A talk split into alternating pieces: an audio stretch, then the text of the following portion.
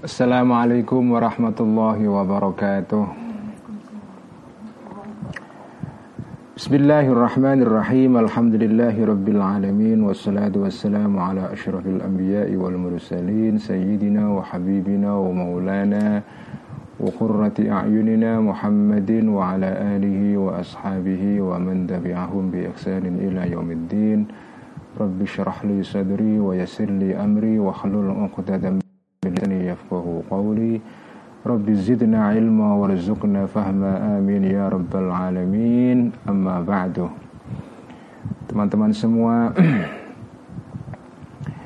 mari kita hadiahkan al-fatihah terlebih dahulu kepada sahibil ikhya sahibil mishkah hujatul islam Abi Hamid al-Ghazali dan juga kepada para muallifin dan musannifin, para ulama, para ulia, para kiai-kiai, masyayikhina, pendiri Nahdlatul Ulama dan juga ormas-ormas Islam yang lain, para pendiri negara kita, para orang-orang tua kita, guru-guru kita, teman-teman kita dan saudara-saudara kita yang sudah mendahului kita semua, semoga mereka semuanya diampuni oleh Allah Subhanahu wa taala lahum jami'an al-Fatihah.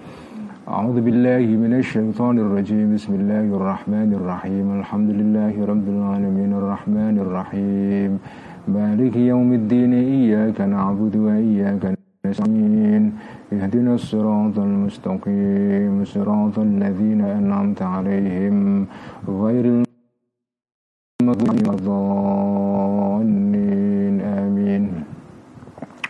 Bismillahirrahmanirrahim. Qala al-muallif rahimahullahu taala wa nafa'ana bihi wa bi 'ulumihi fid dharain. Amin rabbi yassir wa a'in. Mishkatul Anwar halaman 48 ya. Daqiqatun. Ai hadhihi daqiqatun ini adalah keterangan yang uh, sangat lembut, sangat detail, subtil. I'lam, ketahuilah annal uqula, sesungguhnya akal-akal manusia yaitu mata batin Wa ingkanat Walaupun ada akal-akal ini Mubsiratan bisa punya kemampuan untuk melihatnya. Sebagaimana mata lahir Falaisat maka tidak ada al-mubsaratu Hal-hal yang bisa dilihat oleh mata kita ini Kulluha semuanya Indah bagi al-uqul ini Ala watiratin wahidatin atas uh, Atas uh, jalan atau model wahidatin yang satu. Jadi ini ini nanti kita akan membaca keterangan yang sangat penting menarik mengenai uh, mengenai hakikat akal kita, mengenai eh, hal-hal yang terkait dengan akal kita yang mungkin jarang kita pikirkan ya. Jadi akal itu bisa melihat, tetapi hal yang dilihat oleh akal itu tidak semua sama ya. Sebagaimana mata lah ya, mata kita itu bisa melihat, tetapi yang di mata itu kualitasnya beda-beda. Kalau cahayanya terang, jelas, kalau cahayanya redup ya agak samar, kalau jauh nggak kelihatan dan seterusnya. Jadi objek penglihatan akal sama dengan objek penglihatan mata lain itu berbeda-beda kualitasnya. Bal ba'duha Bahkan sebagian dari al-mubsarat ini yakunu ada indah bagi al-uqul ini ka'annahu sebagaimana ba'duha ini hadirun hadir. Kal ulumi seperti jadi ada sebagian objek penglihatan mata itu hadir di, di, di akal kita, di mata batin kita, begitu kuatnya, begitu uh, apa ya, hadir begitu melok-melok kalau bahasa Jawanya itu. Hadir begitu terang benderang sehingga jelas sekali. Kalau ulumi sebagaimana ilmu-ilmu ad-daruriyati yang bersifat daruriyah ilmu yang bersifat uh, aksiomatik. Artinya ilmu yang kita ketahui secara naluriah saja ya. nggak bisa kita tolak seperti orang yang keadaannya darurat ya darurah itu itu kan nggak bisa kita hindari. Sama ini ilmu ilmu yang sifatnya dorurat artinya tidak mungkin kita tepiskan karena hadir begitu saja di akal kita sejak kita lahir. Contohnya adalah mithlu ilmihi. Sebagaimana pengeta mengetahuinya ba'dul ukul tadi itu bi anna syai'a sesungguhnya sesuatu al wahidah yang satu. Sesuatu yang satu itu la yakunu tidak ada. Qadiman itu kodim artinya bersifat apa itu ya e, tidak punya permulaan dalam penciptaan seperti Gusti Allah itu ya. Hadisan dan baru sekaligus sesuatu itu baru dan kuno itu nggak bisa sesuatu itu tidak bisa tidak sesuatu yang sama ya tidak bisa mempunyai sifat yang bertentangan dalam waktu yang sama. Sesuatu itu besar dan kecil sekaligus nggak bisa ya. itu akal kita itu mengetahui ini sejak lahir. Ya bukan sejak lahir sejak lahir kita nggak tahu karena ini butuh butuh uh, kematangan. Artinya butuh apa ya kedewasaan tertentu. Artinya kalau sudah ya umur balik itu tahu dengan tahu mengenai hal ini dengan sendirinya nggak perlu sekolah sesuatu kalau ada di sini ya nggak mungkin di sana. Kalau di sana ya nggak mungkin di sini. Sesuatu yang sama ada di dua tempat itu tidak bisa. Itu nggak tahu. Akal kita itu kok tahu itu ya. Itu dari mana coba kayak gitu itu?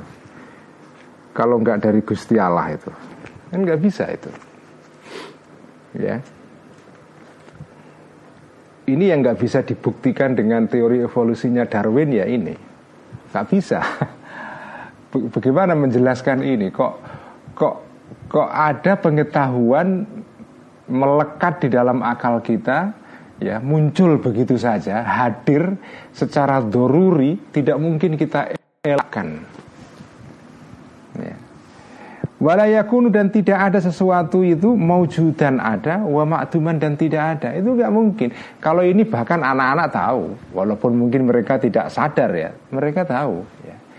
Mereka tahu kalau ibunya di sini, dia tahu. Nggak mungkin kalau ibunya di sini terus di sana pada waktu yang sama, tidak nggak mungkin itu. Kalau ibunya nggak ada, dia tahu nggak ada. Nangis kan? Bahwa bayi nangis karena ibunya tidak ada itu kan sebetulnya dia mengetahui bahwa ibunya tidak ada. Dia ngerti ibunya tidak ada pada saat ini. Ya. Dan karena ibunya tidak ada, tidak mungkin tidak ada dan ada sekaligus. Karena kalau ada dia menang, nggak nangis. Bahwa dia nangis sebetulnya itu kesimpulan bahwa dia ngerti ibunya tidak ada itu. Jadi itu itu pengetahuan yang yang ada secara doruri dalam pikiran kita itu. Itu namanya pengetahuan-pengetahuan yang dalam istilah filsafat Islam ya disebut dengan al-ulumud doruriyah Ya, ini bagian atau cabang filsafat yang disebut dengan epistemologi. Ilmu tentang uh, bagaimana cara akal kita ini mengetahui sesuatu. Itu namanya epistemologi. Ya ini yang biasanya dibahas dalam usul fikih, dalam ilmu falsafah ya ini ya. Wal qawlu dan ucapan statement al wahidu yang satu la yakunu tidak ada al qawlul wahid ini uh, sidqan uh, benar wakidban dan apa itu uh, bohong sekaligus ya sesuatu tidak mungkin benar dan bohong sekaligus pada waktu yang sama wa annal hukma dan sesungguhnya hukum idza sabata ketika tetap ketika hukum itu uh, menetap lisyai'i kepada sesuatu ya.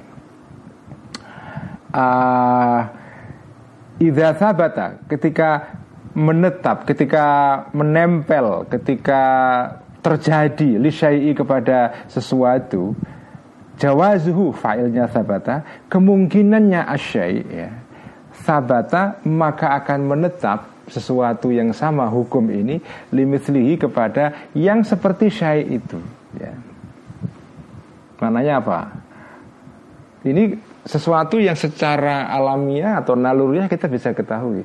Sesuatu itu kalau sesuatu itu misalnya ada ada lima atau sepuluh atau dua puluh sesuatu yang sama. sama dalam segala hal ya. Misalnya manusia itu kan sebetulnya secara spesies itu kan semua manusia itu kan kira-kira punya sifat yang sama.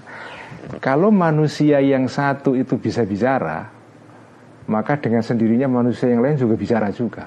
Sifat bisa bicara itu kalau terjadi pada satu manusia, misalnya si Budi atau si Mahmud itu, dengan sendirinya sifat bisa bicara ini juga akan ada pada manusia-manusia yang lain. Selama itu manusia, ada pada Mas Fauzi, ada Ki Akrom, ada Pak Demo, semua bicara semua. Asal tidak ada ada gangguan loh ya. Ada gangguan, misalnya lagi kena apa nggak bisa ngomong lain lagi gitu. Kalau normal ya, sesuatu itu kalau terjadi pada sesuatu ya, dan sesuatu itu Nah, samanya maka hal yang sama itu bisa terjadi pada sesuatu yang lain yang satu kelompok, satu grup ya. Jadi manusia misalnya ada satu manusia namanya bisa ngomong, punya sifat ngomong dengan sendirinya kita bisa mengambil kesimpulan kalau begitu manusia yang lain pun juga bisa ngomong. Kalau manusia yang satu bisa berpikir, yang lain juga bisa berpikir. Karena sifat berpikir, ngomong itu sifat yang apa yang ada pada semua manusia.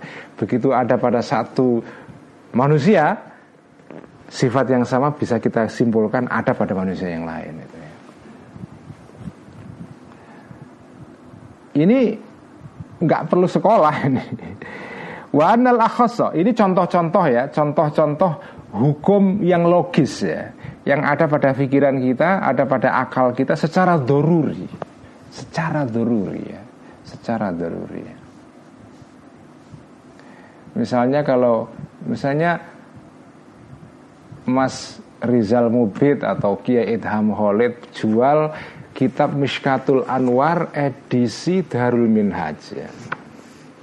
Darul Minhaj ya. Nah Misalnya dia jual ada 100 kopi eksemplar ya. Kemudian kita ngambil satu sampel saja satu kitab Mishkatul Anwar edisi Abdul Ala Afifi ya. Di satu kitab ini ya misalnya mukaddimahnya kitab Mishkatul Anwar ini ada di halaman 20 misalnya ya. Pada pada kitab yang satu ini maka kita bisa mengambil kesimpulan kalau gitu mukodimah yang sama juga ada zaman yang sama di kitab Mishkatul Anwar yang ada dipegang oleh orang lain selama itu edisi Abdul Ala Afifi. Kita dengan sendirinya nggak mungkin edisi yang sama, ya, cetakan yang sama, tahun yang sama, tiba-tiba yang satu ada di halaman sekian, yang satu ada di halaman sekian. Itu mungkin bisa terjadi, tapi selama normal maka halamannya pasti sama. Itu sebabnya kenapa ketika saya ngaji misalnya halaman sekian karena saya saya tahu halaman yang sama itu terjadi juga pada kitab-kitab ihya yang ada di tangan teman yang lain selama edisinya sama. Darul Minhaj, asal Darul Minhaj ya halaman sekian itu mengenai hibah semua sama ya. Karena ini kitab yang sama ya, kitab yang sama. Begitu ada satu sifat tertentu pada kitab ini selama edisinya sama, sifat itu bisa kita simpulkan ada di kitab yang lain. Wa anal dan sesungguhnya sesuatu yang bersifat idza kana jika ada al akhas ini maujudan ya maka uh, maujudan ada ya wa annal akhassa idza kana maujudan ya kalau ada sesuatu yang bersifat spesifik ada, maka karena ada al-a'amu sesuatu yang bersifat umum, wajib al wujudi maka pasti ada. Ya, karena yang khusus dengan yang umum itu sebetulnya saling terkait itu. Saling yang terkait. Kalau ada sesuatu yang khusus dengan sendirinya pasti sesuatu yang bersifat umum. Ya. Pasti ada itu. Misalnya contohnya faida wujida jika di jika ada asawadu sifat hitam maka fakot wujida maka pasti ada kesimpulannya alaunu warna Warna itu kan umum kan, ada warna putih, hitam, merah, biru, kuning dan seterusnya. Hitam itu khusus. Jadi warna itu umum. Hitam itu hanya sebagian dari jenis warna. Kalau warna hitam ada, kesimpulannya apa? Dengan sendirinya yang namanya warna, namanya bersifat umum itu pasti ada itu. Pasti ada. Ya. Misalnya contoh yang lain lah, handphone itu kan umum. Handphone itu ada yang mereknya Samsung, ada Xiaomi, ada iPhone, macam-macam lah. Begitu saya pegang handphone merek tertentu, ini misalnya merek Xiaomi. Merek Xiaomi itu hanya sebagian dari anggota handphone yang jenisnya banyak. Begitu ada hand, handphone Xiaomi dengan sendirinya maka yang namanya handphone itu ada. Karena Xiaomi itu hanya bagian kecil dari jenis-jenis handphone yang banyak itu secara otomatis akal kita bisa menemukan kesimpulan itu ya. Contoh lain wa idza wujida jika di jika ada al insanu manusia maka fakot wujida dengan sendirinya ada al hayawanu hewan ya. Kalau ada manusia dengan sendirinya ada hewan. Karena hewan itu umum, manusia khusus. Kalau yang khusus ada dengan sendirinya yang umum juga ada. Ya. Tetapi wa amma aksuhu Adapun sebaliknya dari yang khusus tadi itu kaidah kalau yang khusus ada, yang umum ada, kalau dibalik misalnya, kalau yang umum ada ya, maka belum tentu falayal zamu, maka tidak pasti, maka tidak dengan sendirinya uh, niscaya fil uh, ini aksuhu ini uh, fil akli ada di akal ya. Kenapa? Karena idlayal zamu, karena tidak dengan sendirinya apa itu e, terjadi atau menetap ya, tidak dengan sendirinya idlayal zamu karena tidak niscaya min wujudil launi dari adanya warna, wujudus sawati adanya hitam. Wala min wujudil hayawani dan tidak dari adanya hewan, wujudul insani adanya manusia, ila ghairi dzalika dan yang lain-lain minal kodoya dari kodiyah kodiyah itu istilah dalam ilmu mantek ya. Artinya apa itu? Dalam istilah logika modern itu uh, apa itu? Term atau statement ya. Ad yang bersifat doruri ya. Fil wajibati dalam hal-hal yang bersifat wajib wal jaizati dan hal-hal yang bersifat mungkin wal mustahilati dan hal-hal yang bersifat mustahil ya. Jadi jadi tadi kesimpulannya begini, kalau yang khusus itu ada dengan sendirinya yang umum ada. Kalau ada manusia dengan sendirinya yang namanya hewan itu ada karena manusia itu hanya salah satu jenis dari hewan. Tetapi kalau dibalik belum tentu benar. Misalnya, kalau ada hewan belum tentu manusia ada. Karena hewan itu banyak. Misalnya misalnya kalau hewan ada, misalnya hewan itu apa? Kambing atau sapi atau kuda. Jadi belum tentu manusia, ya. Jika ada hewan, belum tentu yang ada ini adalah manusia. Bisa jadi hewan yang lain, ya. kambing atau sapi atau apa pun ya. Kalau ada ada warna belum tentu hitam bisa juga putih biru dan seterusnya ya. Itu itu adalah hukum logika itu. Itu hukum logika ya. Hukum logika. Ini dalam ilmu disebut dengan kodiyah kulliyah mujabah nah itu uh, apa itu? Itu itu menimbulkan natijah itu produktif. Itu bisa menimbulkan kesimpulan yang benar. Tapi kalau dibalik, diakes namanya, ya, itu belum tentu benar, ya. Ya, ini bisa difahami kalau orang yang pernah belajar ilmu mantik ya. Ya ini sekedar contoh saja ya. Nggak usah belajar mantik juga tahu kita kok. Ini kan dengan sendirinya akal kita kan bisa paham. Waminha contohnya lagi ya. Uh,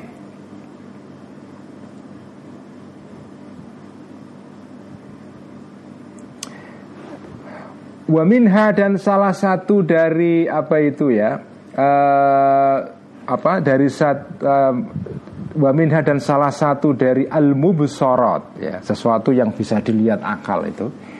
Ma sesuatu la yuqarinu yang tidak menemani atau menyertai al akla akal. Fi kulli halin dalam setiap saat. Idza arada ketika terjadi ma tadi itu alaihi kepada akal. Jadi ada pengetahuan itu yang selalu ada pada akal kita karena itu sejak kita lahir atau itu bagian dari uh, pengetahuan yang secara naluri ada pada akal kita. Jadi itu contohnya ya, ilmu daruri. Ada ilmu-ilmu itu yang tidak dengan sendirinya hadir. Dia bisa hadir kalau di dipikirkan dulu ya ada usaha dulu itu namanya ilmu-ilmu yang bersifat iktisabi ilmu yang datang yang mau hadir kalau diusahakan dipanggil dulu kenceng banget eh datang ke sini baru datang ada ilmu yang nggak usah dipanggil langsung datang sendiri karena apa karena ya itu sudah alamiah ya.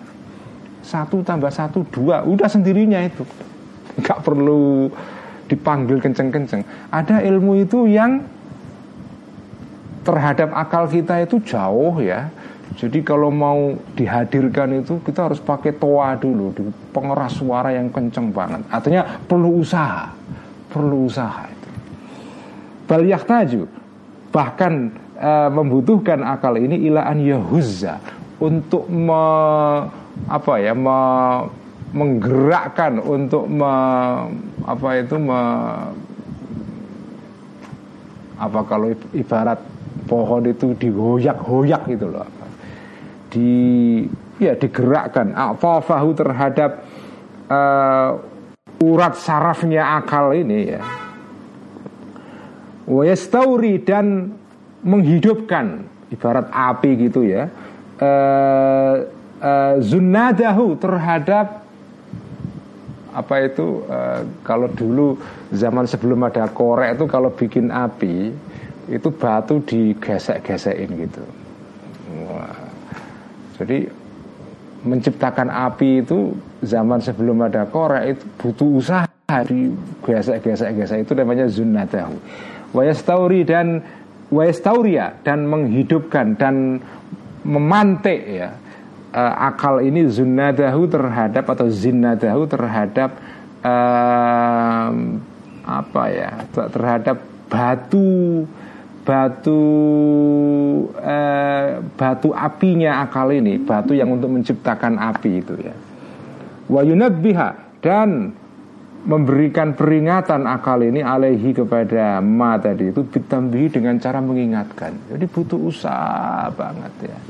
Kan nadoriyati seperti ilmu-ilmu yang bersifat nadoriyat ilmu yang butuh pikiran dalam dulu ya. misalnya 256 kali 157 itu berapa?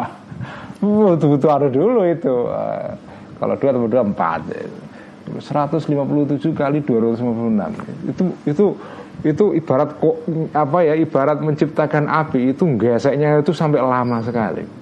Wayastauri zunnatahu. Lama sekali Gesek-gesek. Kadang nggak nggak keluar juga apinya itu ya.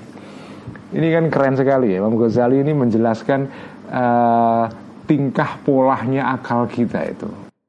Itu mata batin kita itu ya. Itu punya jenis-jenis pengetahuan yang beda-beda. Ada pengetahuan yang langsung hadir ya. Ada pengetahuan yang lama sekali hadirnya itu. Ya karena sulit ya. Karena sulit itu ya. Wa innama yunabbihu dan sesungguhnya mengingatkan ya hu kepada akal ini. Jadi akal ini baru dia bisa paham, bisa mengetahui sesuatu tadi itu kalamul hikmati adalah kalam atau pembahasan yang berupa hikmah ya. Ya artinya ilmu falsafah ya. Jadi kalau sahabat belajar falsafah baru tahu, oh kesimpulannya begini itu. Kalau ah, kalau kalau kodiah itu jenisnya ini, maka kesimpulannya begini. Jadi harus belajar dulu aturan-aturannya itu ya.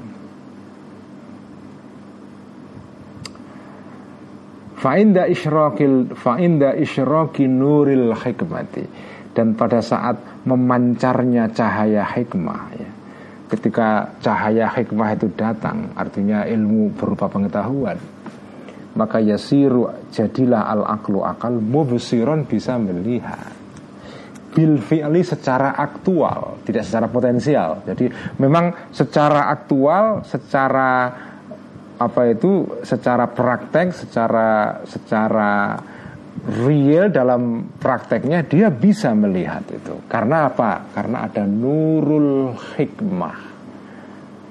Ada ada cahaya berupa hikmah itu ya. Ba'da angkana setelah ada akal ini mubsiron melihat bil kuwati secara potensial. Jadi ada kemampuan melihat itu secara bil kuwah ini istilah dalam filsafat Islam yang sudah saya terangkan kemarin ya. Ada kemampuan melihat yang secara aktual ya. Misalnya begini ini contoh bil kuwah dan bil fi'al ini ya. Gelas ini ya sebelum ada isi airnya itu kita bisa mengatakan gelas yaitu yang saya pegang ini secara bil kuah, secara potensial dia bisa untuk diisi air. Tapi airnya belum ada. Airnya belum ada. Tapi kita tahu karena ini gelas, dia punya potensi untuk menampung air. Nah, potensi ini sudah ada, meskipun airnya tidak ada, tapi potensi itu sudah ada. Jadi kita bisa mengatakan Gelas ini ketika airnya belum ada, gelas ini bisa menampung air bil kuah. Bukan bil kuah dengan kuah. Kuah bakso atau apa enggak bukan itu. Bil kuah artinya adalah secara potensial. Begitu nanti jenengan soi dengan joki air secara aktual real ada ada airnya betul di gelas ini, kita mengatakan gelas ini menampung air bil fi'li. Contoh lain misalnya, jenengan punya sepeda motor, mereknya Scoopy. Nah, ini Pak Dimung kan motornya Scoopy itu. Motor sepeda motor merek Scoopy itu ketika jenengan parkir di rumah itu kita mengatakan motor ini secara potensial dia bisa jalan lari sekian kilometer per jam misalnya. Tapi dia nggak lari karena diam di parkiran rumah jenengan ya. Tapi jenengan bisa mengatakan motor ini bisa lari sekian kilo per jam secara potensial ya. Dia punya kemampuan lari itu, tapi dia belum lari. Begitu jenengan starter hidup lari beneran, Nah, itu namanya motor sekupi lari bil fi'li. Ya, jadi ada bil kuwah, ada bil fi'li. Sama dengan akal kita itu. Akal kita itu waktu diam tidur gitu ya, sedang nggak tidak berpikir, itu kita mengatakan akal kita itu secara bil kuwah itu bisa menalar. Tapi dia belum menalar karena sedang tidur atau sedang lamun atau sedang sedang nggak dipakai gitu. Tapi dia punya kemampuan secara potensial untuk dipakai memikir, berpikir ya. Nah nanti pada saat jenengan pakai berpikir Baru dia itu namanya berpikir bil Dia bisa akal ini, mata batin ini bisa melihat bil Kenapa dia bisa melihat? Karena ada nurul hikmah itu Begitu cahaya berupa hikmah dari Allah itu turun ke akal kita itu kemudian akal kita itu berpikir bil fi'li. Ketika belum ada nur ya belum ada apa cahaya berupa hikmah dia bisa berpikir cuma bil kuwah itu ya. Ini pelan-pelan ya karena ini pembahasan asik ya penting. Ya mungkin bagi sebagian teman ini apa sih kayak begini ini ya ini ngajari kita untuk untuk untuk memikirkan akal kita. Ya. selama ini mungkin kan kita tidak pernah memikirkan bagaimana sih aktivitas akal kita itu. Apa yang difikirkan bagaimana cara berpikirnya ya. Itu mungkin kita nggak pernah gerai itu nggak pernah memikirkan hal ini. Nah malam ini kita bersama Imam Ghazali diajari janjani jenengan itu dikasih akal oleh Gusti Allah itu punya sifat-sifat seperti itu. Jadi ini sekaligus untuk mengenali makhluknya Allah yang luar biasa namanya akal yang ada di kepala kita ini. Ini kita kita mengenalinya ini. Karena selama ini kita pakai tapi kita nggak mengenalinya. Malam ini kita berkenalan dengan makhluk Allah namanya akal ini wa a'zamul hikmati dan hikmah yang paling hebat paling besar adalah kalamullah taala adalah wahyunya Allah Subhanahu wa taala. Hikmah itu banyak informasi, segala informasi ilmu itu hikmah ya. Tetapi hikmah yang paling puncak adalah tentu hikmahnya Allah ya atau kalamullah. Begitu kalamullah itu datang apa ya hadir di akal kita maka akal kita itu bisa seperti apa seperti matahari yang bisa melihat menyinari banyak hal itu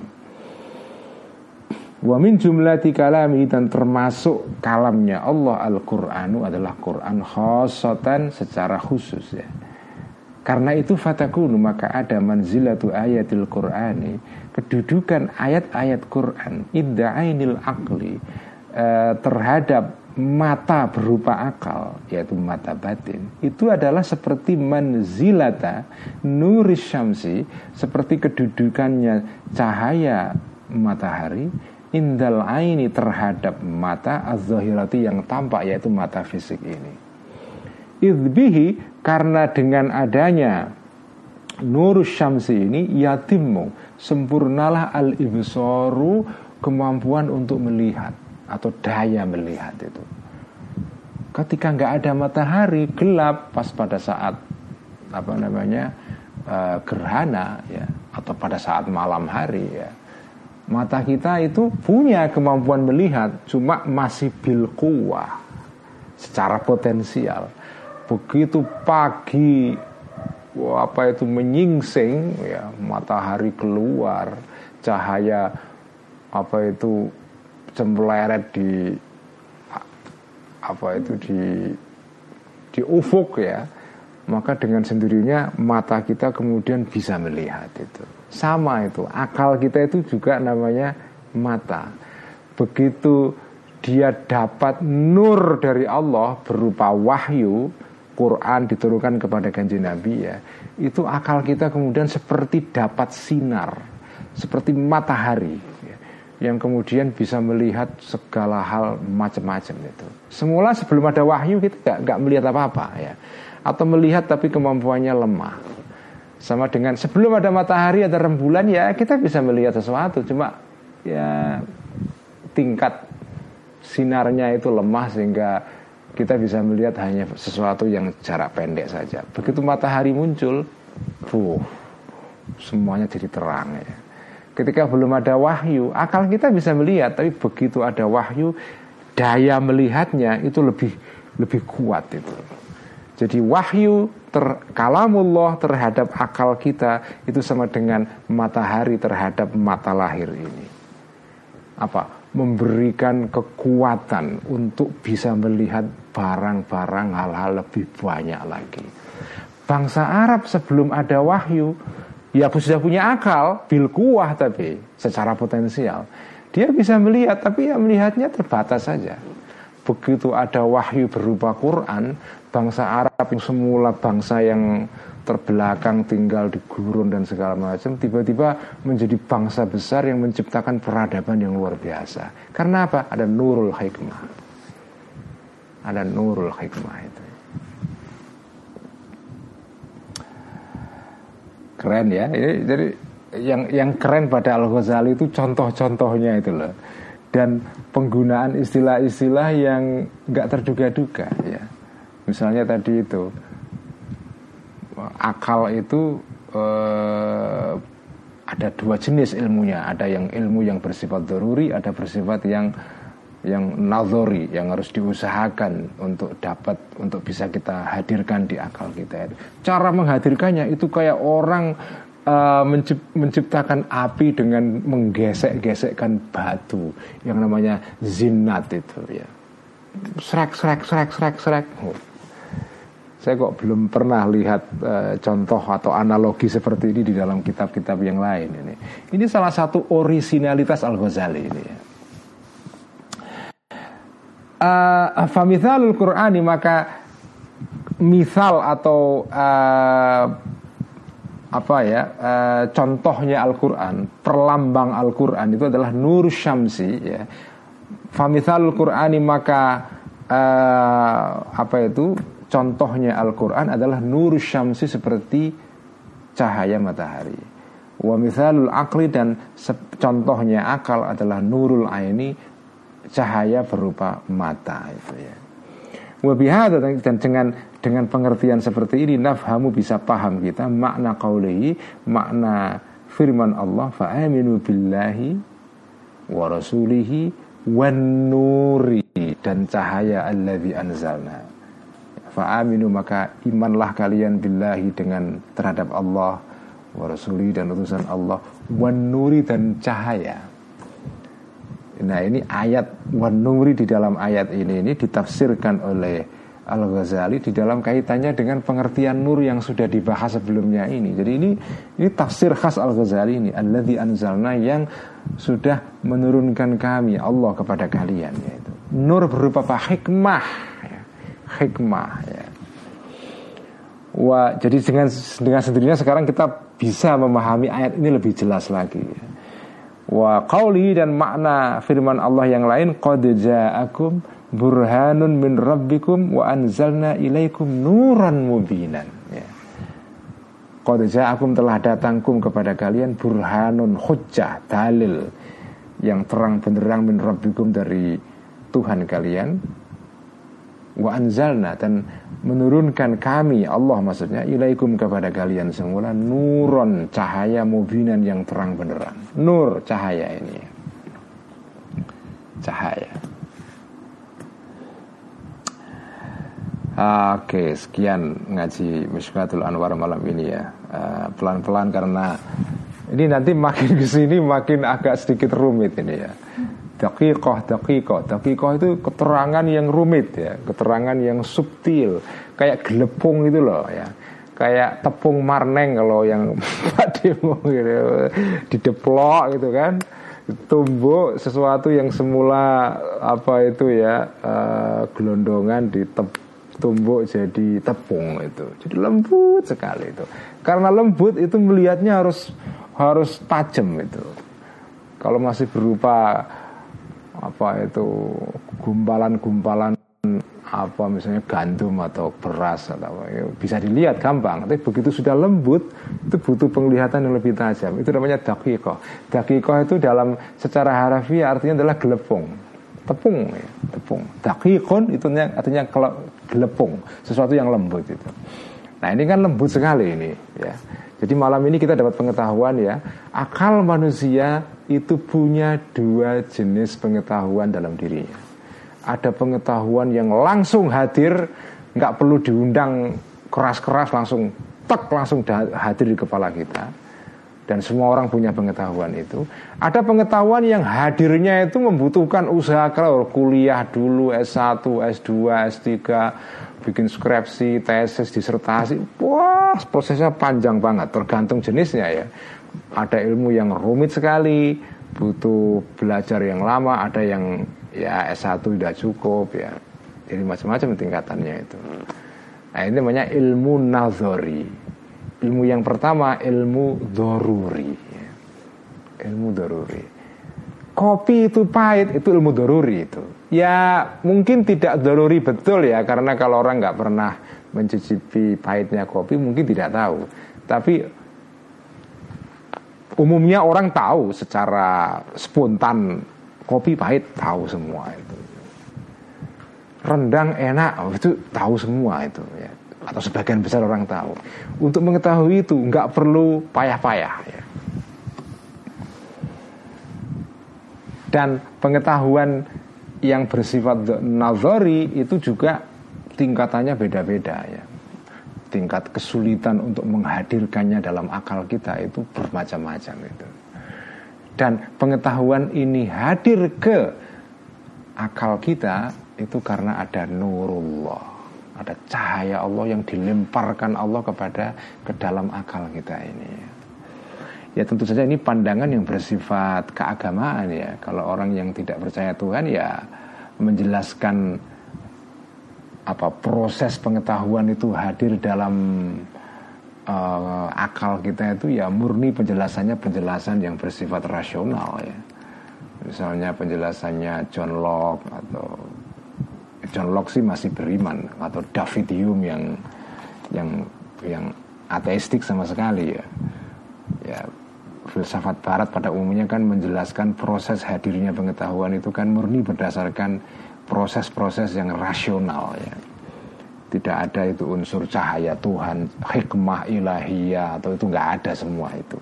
Ya kita di sini berbicara mengenai proses uh, pengetahuan hadir pada akal manusia dalam pandangan orang beragama. Dan inilah teorinya Al Ghazali teori epistemologinya Al Ghazali Sekian wallahu alam bisawab. Mari kita pindah ke kitab Ihya dan meneruskan pembahasan mengenai soal ghibah ya. A'udzu billahi minasyaitonir rajim. Bismillahirrahmanirrahim. Alhamdulillahi alamin wassalatu wassalamu ala asyrafil anbiya'i wal mursalin سيدنا وحبيبنا ومولانا وقرة أعيننا محمد وعلى آله وأصحابه ومن تبعهم بإحسان إلى يوم اشرح لي صدري ويسر لي أمري واحلل عقدة من لساني يفقه قولي. رب زدنا علما وارزقنا فهما. آمين يا رب العالمين. أما بعد فقال المؤلف رحمه الله تعالى ونفعنا به وبعلومه في الدارين. آمين. رب يسر وعين kitab Ihya halaman 1039 kita kemarin membahas soal sebab-sebab yang membuat orang itu ribah. Ada delapan ya. Ada delapan. Uh, enggak sebelas ya. Ada sebelas. Delapan itu untuk orang awam tiga untuk orang-orang elit untuk para kiai ya. orang-orang yang ahli agama. Nah, kemarin kita sudah membahas sampai tiga. Sekarang yang keempat. Arabiu faktor atau dorongan keempat yang membuat orang itu hibah an yunsaba adalah ini dinisbahkan ya uh, seseorang ya an yunsaba dinisbahkan seseorang ila syai'in kepada sesuatu ya. Orang itu dianggap oh kamu begini begini begini misalnya. Sesuatu ini sesuatu yang jelek gitu ya. Wah, kamu ini apa orang yang kalau dagang itu pasti bayarnya lambat itu dikasih invoice setengah tahun baru bayar misalnya. Jadi orang orang dianggap mempunyai sifat tertentu yang jelek itu ya. Kemudian fayuri itu maka menghendaki orang ini an yatabarra untuk membebas untuk bebas minhu dari syai ini fayadhkuru maka menyebutkan menuturkan orang ini orang yang ngerasani ini yang riba ini alladhi sesuatu fa'alahu uh, sesuatu yang melakukan seseorang hu kepada Allah dia. Wakana dan ada min hakid termasuk haknya orang tersebut ya, untuk membebaskan orang ini nafsu terhadap dirinya orang ini ya. Wala dan tidak menyebutkan orang ini ya di seseorang atau sesuatu seseorang ya faala yang melakukan orang ini kepada uh, sesuatu tadi itu sehingga falayan sibu maka tidak uh, atau falayan siba maka tidak menisbahkan orang ini ghairahu orang uh, selain seorang kepada sesuatu ini ya. Au atau Oh fayadhkura tadi yang yang awal Allah itu seseorang ya bukan sesuatu ya. Au atau menyebutkan orang ini ghairahu Orang selain dia Bi'annahu bahwa sesungguhnya ghair ini Syarikan ikut terlibat Lahu terhadap apa itu e, Seseorang yang ghibah itu Fil fi'li di dalam melakukan sesuatu. Liyumahida untuk memberikan apa pendasaran atau memudahkan orang ini bidzalika dengan cara begitu udhro nafsihi alasan dirinya orang itu fi'li di dalam melakukan sesuatu itu. Apa maknanya ini? Makanya jenengan itu dianggap atau di dipersepsikan oleh orang lain, oh si ini itu kelakuannya ini ini ini, ini jelek gitu ya. Terus untuk sampean kepingin membebaskan diri sampean ya. Sampean kemudian terus klarifikasi, klarifikasi kepada orang-orang sekitar sampean. Wah nggak betul saya melakukan itu kok. Yang mengerjakan itu tuh bukan saya, orang itu loh. Nah itu kan. Bahwa jenengan membebaskan diri itu untuk me, apa ya me, menyangkal tuduhan itu itu hak sampean. Tapi begitu sampean menyinggung orang lain itu sudah melampaui batas. Mestinya sampean itu cukup mengatakan itu bukan saya yang melakukan. Titik. Tapi kalau sampai terusin, wah yang melakukan bukan saya si Anu. Nah itu hibah itu. Jadi dorongan hibah itu antara lain terjadi karena ada orang dituduh melakukan sesuatu untuk membela diri, kemudian dia nyang nyangking-nyangking orang lain supaya apa bertanggung jawab itu. Jadi ini kayak lempar batu sebetulnya. Atau tidak lempar batu sepenuhnya, misalnya, oh enggak, oh ini ini saya nggak sendirian saya juga ikut ikutan si si A si B ikut korupsi juga nggak hanya saya jadi itu sama sama saja itu sampean nyangking nyangking orang lain untuk untuk pembelaan diri sampean itu ini contoh dorongan kenapa orang hibah itu itu pembelaan diri ya pembelaan diri. Itu keempat ya. Saya kira ini contoh banyak banget terjadi lah dalam kehidupan sehari-hari ya. Al-khamisu Faktor yang kelima yang mendorong orang untuk hibah Iradatu tasannui Menginginkan untuk uh, gaya. Tasannu itu apa ya? Berbuat sesuatu yang dipaksa-paksakan. Gaya lah ya.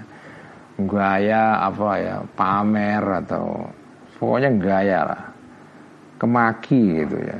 Wal mubahati dan angga ya.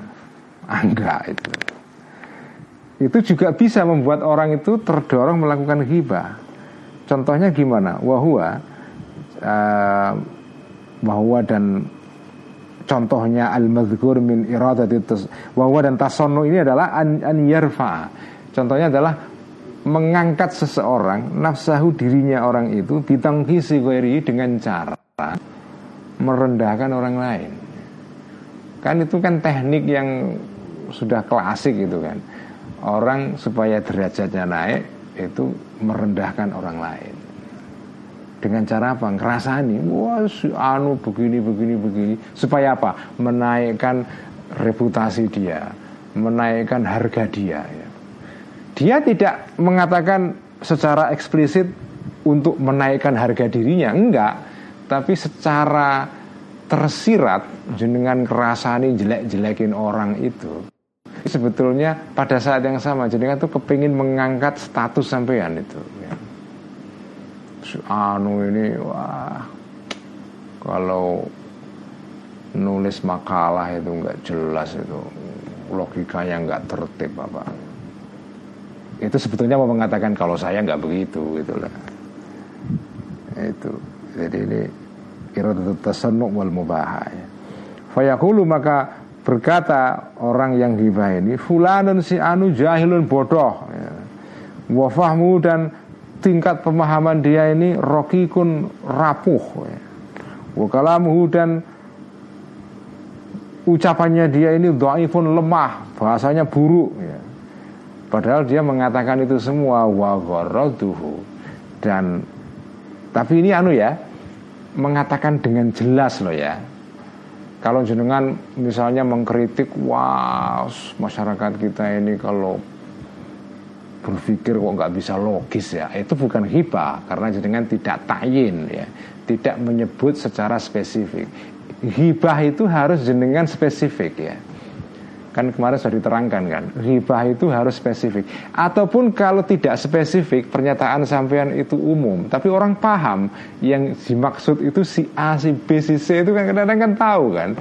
Ngomongnya sih kelihatannya samar-samar Tapi sebetulnya yang dimaksud itu si ini gitu. Nah, Itu juga ya. Jadi hibah itu harus tayin ya. Kalau kalau kritiknya umum, ya kalau kritik sih kritik itu dibutuhkan dalam masyarakat ya. Tapi hibah itu kan bukan kritik. Hibah itu kan tujuannya tangkis, merendahkan orang ya. Merendahkan orang ya. Ya memang kadang-kadang tipis ya bedanya antara kritik dengan tangkis itu ya. Bedanya itu sedikit itu ya. Ya tapi unsur hibah yang paling penting adalah itu menyebut tayin ya menyebut orang secara spesifik gitu ya. Jadi ketika mengatakan si Anu itu si siapa gitu menyebut nama dengan jelas ya. Bodoh ya ngomongnya nggak jelas. Itu wahwaraduhu banyak orang tersebut adalah an yuthbita untuk me mengkonfirmasi menetapkan ya. Menegaskan fi dhimni di dalam uh, apa itu isi ucapannya itu fadla nafsihi keunggulan dirinya orang bersangkutan. Wa yuria dan menunjukkan hum kepada si orang tadi hum kepada mereka orang-orang yang ada di sekitar sampean ya. Annahu sesungguhnya orang yang hibah ini afdalu lebih utama minhu daripada fulan yang dirasani tadi itu au yuhadzira atau memberikan peringatan si orang yang ghibah ini ya.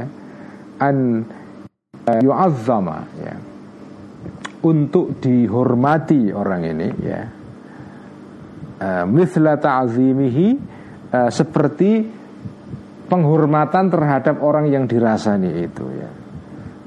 Karena itu fa yakdahu atau fa yakdaha maka uh, atau fayak tahu maka mencacat orang yang hibah tadi itu fi di dalam si fulan lidzalika karena ada alasan tadi itu rendahkan itu.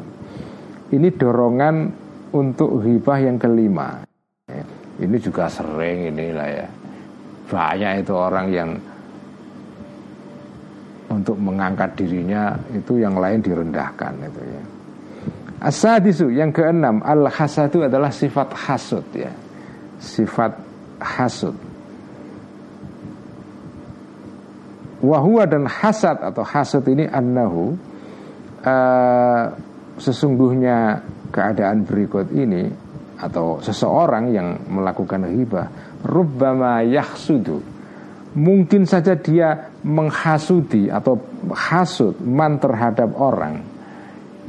Iri ya Hasud itu ya iri lah. Man kepada orang yusni yang memuji-muji anak masyarakat alaihi kepada man. Ada orang dipuji-puji masyarakat dengan iri hasut itu wa dan mencintai orang-orang ini hu kepada man wa yukrimuna dan meng menghormati masyarakat ini hu kepada man ini dengan iri itu fayuri itu maka menghendaki orang yang hibah ini zawalatil kan nikmati hilangnya nikmat dipuji-puji tadi itu anhu dari orang tersebut. Jadi biasanya hasut atau iri itu adalah eh, apa disertai dengan keinginan orang yang jenengan hasuti itu kalau bisa mengalami kecelakaan. Jadi artinya kalau dia dipuji supaya itu hilang dipujinya itu. Kalau bisa malah pujian itu pindah ke sampean itu. Jadi hasut itu biasanya disertai dengan keinginan untuk zawalun nikmah ya. Nikmat yang ada pada orang lain yang jenengan iri itu itu nikmat itu hilang. Kalau bisa pindah ke sampean itu hasud. Jadi hasud itu selalu begitu. Uh, itu maka tidak menemukan orang yang hibah ini sabilan jalan ilahi kepada tadi itu bagaimana supaya zawalun nikmah itu illa bil qadhi kecuali dengan cara mengkritik, mencacat ya. Fihi kepada man tadi. Cara satu-satunya untuk melampiaskan kejengkelan sampean, keirian itu ya dengan cara mencacat. Mencacatnya ya dengan cara hibah ya.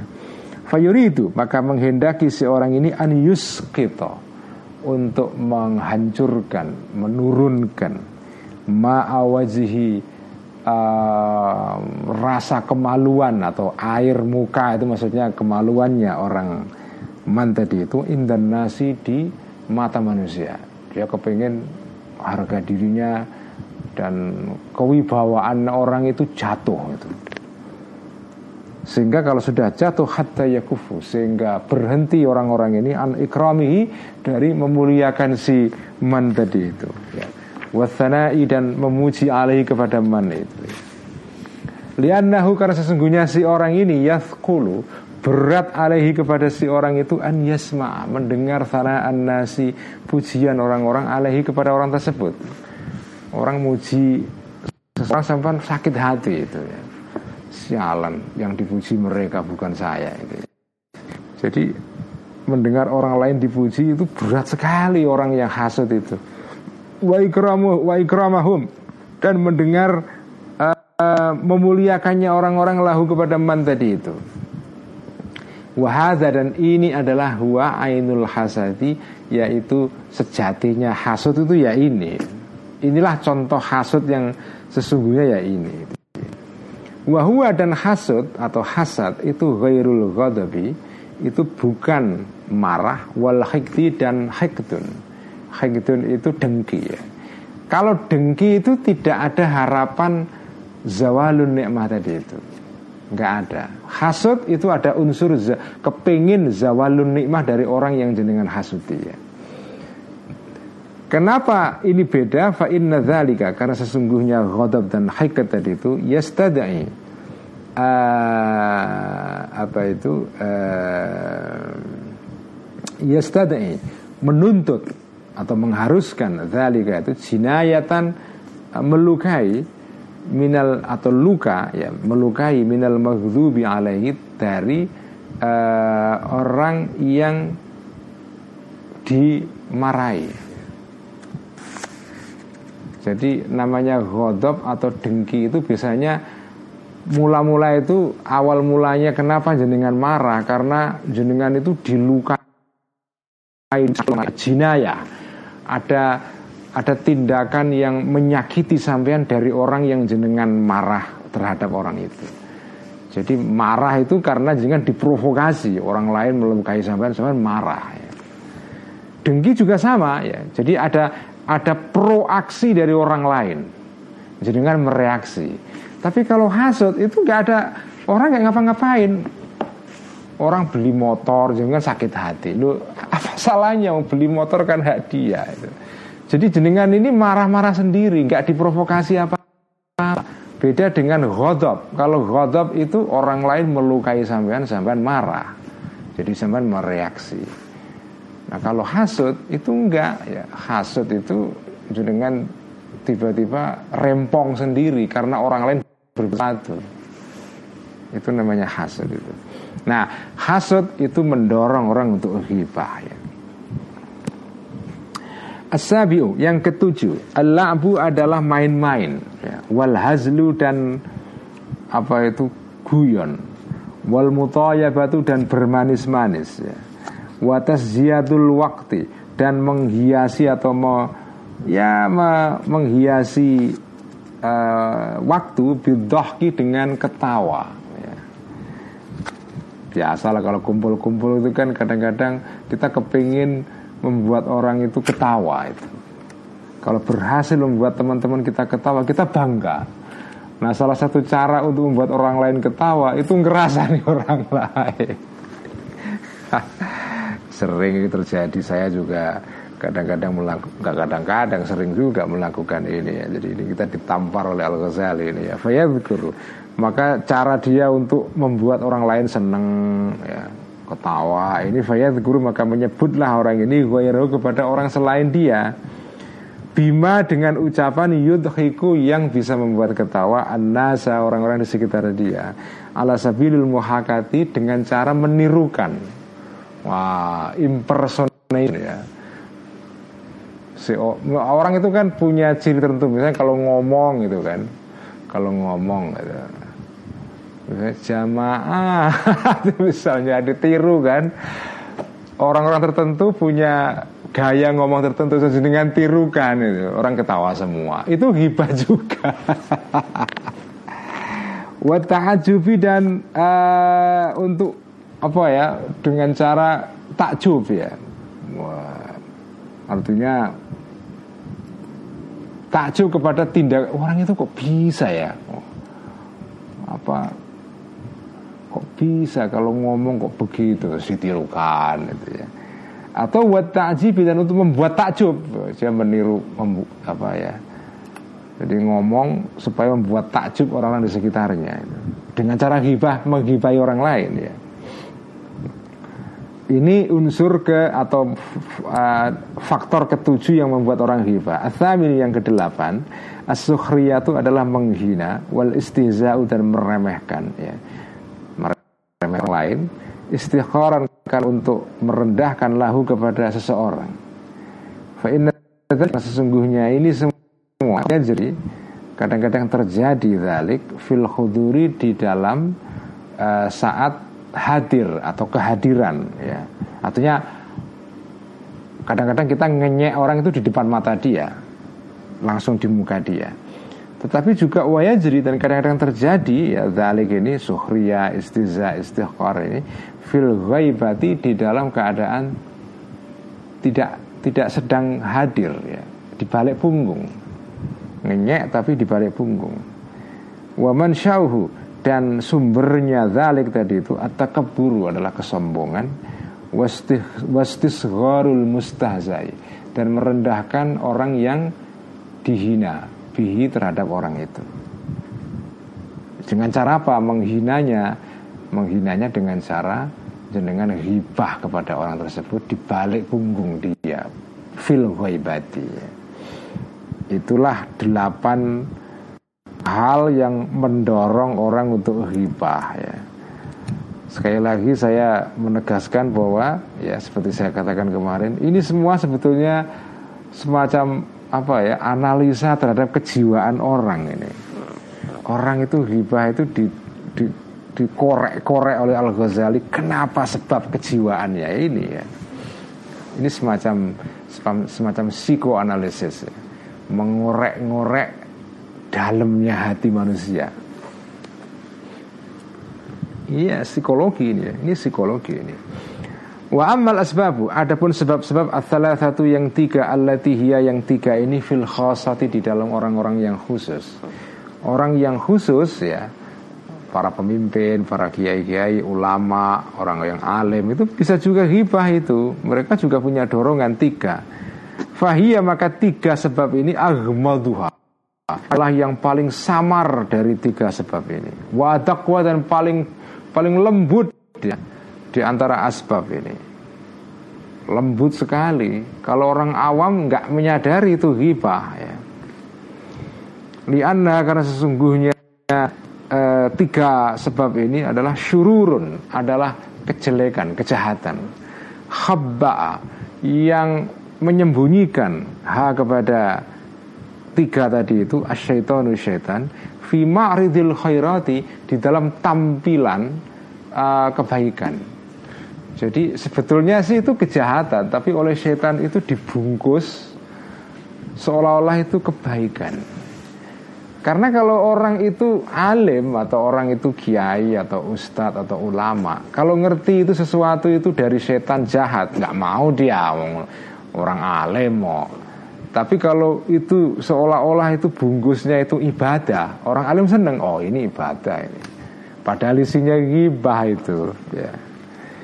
Wafiyah dan di dalam eh, ha, eh, apa itu di dalam tiga hal tadi itu khairan ada kebaikan. Memang ada kebaikannya, tetapi walakin, tetapi syabak mencampurkan asyaitonu syaitan pihak terhadap khairat asyara kejahatan. Itulah cara setan mengelabui orang-orang yang yang ahli agama ya. Jadi makanya Al Ghazali kan ajarannya seperti dalam hadis itu setiap manusia itu ada setan dalam dirinya. Orang awam setannya juga awam. Orang alim setannya ngalim. Kiai setannya juga setingkat kiai. Jadi setan itu progresif. progresif ya. Jadi kemampuan dia sesuai dengan kualitas orang bersangkutan. Kalau orang itu naik tingkatannya, dia menaikkanku juga kemampuannya itu. Jadi dia membuat satu kiat-kiat untuk membuat orang yang alim dan dan kiai dan ahli agama terjatuh juga dalam ghibah tapi ghibahnya turun sekali sehingga dibungkus dengan kebaikan tapi isinya kejahat, kejelekan itu. Terus apa? Ini contoh relevan banget ini dengan keadaan sekarang ini ya. Al awalu yang pertama. Ini lagi-lagi nampar lagi ini ya. Ini terutama yang ditampar bukan kita-kita yang awam ini. Ini sekarang yang ditampar kiai ini ya. Sekarang yang ditampar kiai ini.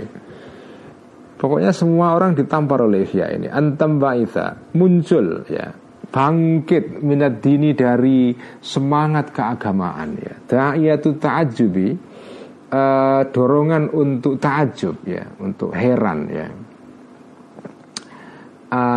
Dalam edisi Darul Ibnu Hazm itu fi ingkaril mungkari tapi di edisi Darul Ibnu Hazm min ingkaril mungkari. Saya lebih suka edisi versinya Darul Ibnu Hazm fi ingkaril mungkari ya. Di dalam mengingkari sesuatu yang mungkar ya. Wal khotoi dan kesalahan fitini di dalam masalah agama. Ada orang karena semangat keagamaannya dia heran ya. Kok orang maksiat kok seperti itu? Jadi dia bangkit itu apa ya semangat atau hirohnya membela agama terus menyerang orang yang melakukan maksiat ini. Fayaqula maka berkatalah orang tersebut ma'ajaba ma itu min fulanin. Ya. Ma'ajaba heran sekali. Ma sesuatu itu yang lihat melihat aku min fulanin dari si anu. Si anu ini heran banget. Masa kiai kok begitu kiai kok begitu heran saya. Jadi tapi jenengan ngomong begitu itu ada unsur agamanya karena jenengan ingkar. Menging, ada, ada seseorang melakukan maksiat karena jenengan punya wiroh semangat agama jenengan mengingkari maksiat itu dengan cara ngerasani ya ngerasaninya bentuknya seolah-olah religius Wah orang kok maksiat kok seperti itu gimana itu Nah fa'innahu maka sesungguhnya orang ini kot yakunu boleh jadi bi orang ini bihi dengan ucapannya ini dengan kaulnya ini sodikon benar. Memang betul orang itu maksiat berbuat salah itu ya. Wayakunu dan ada ta'ajubuhu eh, keheranannya orang itu adalah minal mungkari terhadap sesuatu yang mungkar ya. Walakin tetapi karena ada hakkuhu haknya orang tersebut an yata'ajaba untuk heran saja orang tersebut. Tapi wala yadhkur dan tidak menyebut ismahu kepada nama orang yang diingkari itu. Cukup kok ya misalnya tidak menyebut nama orang kok melakukan tindakan kok sampai segitunya? Kok bisa? Nah itu kan. Udah gitu aja. Nah, ya. Nah tapi tapi karena sampean ini saking didorong oleh semangat keagamaan wiroh keagamaan nggak cukup saking semangatnya tidak cukup hanya mengingkari tindakan maksiatnya tapi kepleset juga nyebut nama orang yang maksiatnya itu dan itu setan memang begitu. Jadi jenengan kalau bisa didorong terus, terus, terus, terus, terus. Ya. Jangan hanya mengkritik tindakannya, orangnya juga dong. Sebutin, sebutin, sebutin. Nah, kira-kira gitu. Fayusahilu maka memudahkan asyaitonu syaitan alai kepada orang yang punya semangat religius tinggi ini zikrasmi untuk menyebut namanya orang yang sedang diingkari ini fi idhari ta'ajubi dan di dalam menunjukkan ketakjuban atau keheranannya orang-orang yang yang engkar ini yang hibah ini ya. Nah dengan tindakannya ini fasara maka jadilah orang tersebut bi dengan tindakan ini ya dengan zikrusmihi muhtaban jadilah orang itu hibah wa atiman dan dosa min haitsu yadri dari arah uh, dia tidak tahu orang tersebut ya. Wa min dan termasuk contohnya adalah ini qaulur rajuli ucapan seseorang Ta'ajabtu min fulanin kaifa yuhibbu jariyatahu wa hiya qabihatun. Ta'ajabtu heran aku min fulanin dari si Anu. Si Anu jelas disebutkan namanya ya. Kaifa bagaimana yuhibbu bisa mencintai orang ini jariyatahu kepada pembantu perempuannya orang ini Jariah itu artinya kalau zaman dulu itu budak perempuan karena pada zaman dulu kan pada zaman Al Ghazali kan budak itu masih ada. Jariah tahu kepada budak perempuannya si Fulan ini kok bisa dia jatuh cinta kepada budak perempuannya itu. Wahia padahal si Jariah ini kobihatun jelek wajahnya. Ya. Atau dibalik budaknya laki-laki tapi jelek lalu majikan perempuannya jatuh cinta. Jadi ini bisa dibalik juga contohnya. Wa kaifa dan bagaimana ya jelisu duduk seseorang ini baina yadai fulanin di depan si fulan. Kok dia bisa ngikuti ceramah si A itu? Padahal wahwa orang ini jahilun bodoh nggak punya ilmu agama nggak pernah mondok. Nah ini ini ini hibah itu ya Orang nggak pernah mondok kok didengarkan ceramahnya. Jadi jangan kalau ngerasani itu kalau bisa setelah belajar ihya ini ya hindari untuk mention ya. Ya umum aja lah ya. Dengan bidun ditayin nggak di nggak di mention ya. Wah, kok ada orang nggak punya ilmu, nggak pernah nggak pernah belajar agama yang benar kok ceramah kayak seenaknya sendiri ya udah gitu aja nggak usah sebut namanya ya karena begitu sebut namanya nanti jadi hibah itu ya ya atau kalau menyebut ya jangan banyak-banyak lah ya jadi kan jadi ini ini saya tahu ya ilmu ihya ini berat banget memang ini ini makanya teknik membaca ihya itu eh, supaya kita nggak terteror adalah seperti saya katakan berkali-kali, ihya ini adalah ilmunya para wali. Ya, ini ilmu untuk untuk orang yang memang derajatnya tinggi. Kalau sampai mungkin jadi wali ya ini ilmunya ya. Atau orang yang derajat derajat kerohaniannya tinggi ya. Kalau jenengan bisa sampai ke situ alhamdulillah ya melaksanakan isi kitab Ihya, ajaran Ihya ini 100% ya. Tapi kalau nggak bisa ya 50 udah bagus 50 masih berat 40 persen 30 persen 20 persen 10 persen 50 persen 1 persen itu juga nggak apa-apa dibanding tidak sama sekali ya kan? yang penting ada usaha untuk melaksanakan ajaran ini itu minimal ini hmm, kan innamal a'malu niat amal itu kan sesuai dengan niat kita. Ada niat dalam diri kita untuk berubah. Itu yang penting ya. Ini saya belajar kitab Ihya ya. Wah berat ini. Ini wah ini hanya orang-orang yang tingkat makomnya tinggi saya kan belum sampai ke situ ya sudah kita kita amalkan satu persen nanti naik dua persen, turun lagi satu persen, naik lagi dua, tiga, turun lagi, terus begitu apa. Jadi ada proses pelan-pelan, pelan-pelan. Karena menanamkan akhlak itu dalam ajaran kita PKI yang sudah pernah kita baca bertahun-tahun yang lalu ya. Menanamkan akhlak itu seperti lambatnya itu pelan sekali. Itu lambatnya itu seperti pertumbuhan tumbuh manusia tubuh manusia. Atau seperti tumbuhnya kuku ini loh ya. Kuku jenengan ini kalau dilihat tuh kan seolah-olah ya nggak tumbuh kan. Pagi-pagi jenengan lihat ya segini aja ya. Tapi kan sebetulnya tumbuh cuma tumbuhnya itu pelan banget. Sampai tidak kelihatan mata kita pun nggak merasa kalau kuku kita itu tumbuh itu nah begitulah perkembangan akhlak perkembangan atau penanaman akhlak dalam diri kita itu itu pelan banget nggak kerasa jadi harus pelan-pelan Makanya ya jangan membayangkan habis ngaji ihya begini terus besok berubah total bisa. Itu nggak mungkin itu ya. Pada waktunya itu kadang berhasil, kadang gagal ya. Jadi jangan terteror oleh kitab ihya. Ya. Kemarin Mas Fahrul Rozi dari Nurholis Masjid Society itu nulis status di uh, Facebooknya.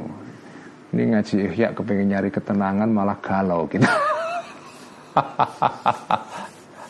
malah galau karena wah ini kayak terteror ini. Gimana ini? Jangan nggak usah terteror ya. Ini ini ilmu untuk orang tingkatannya tinggi sekali. Sampean itu emang siapa itu ya? Gak usah merasa terteror ya.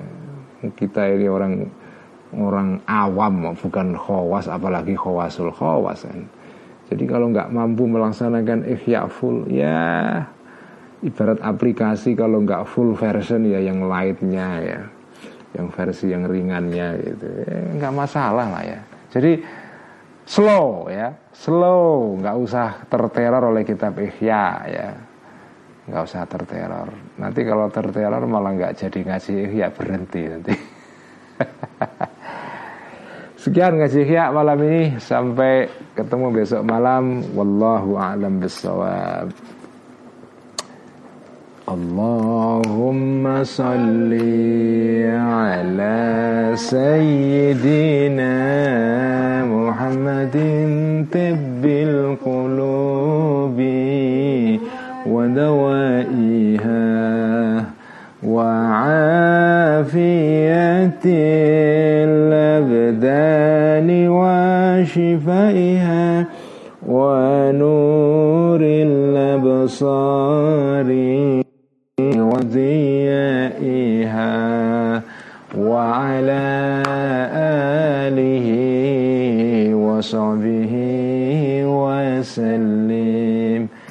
اللهم صل على سيدنا محمد طب القلوب ودوائها وعافية الأبدان وشفائها ونور الأبصار وضيائها وعلى آله وصحبه وسلم. اللهم صلِّ سيدنا محمد طب القلوب ودوائها وعافية الأبدان وشفائها ونور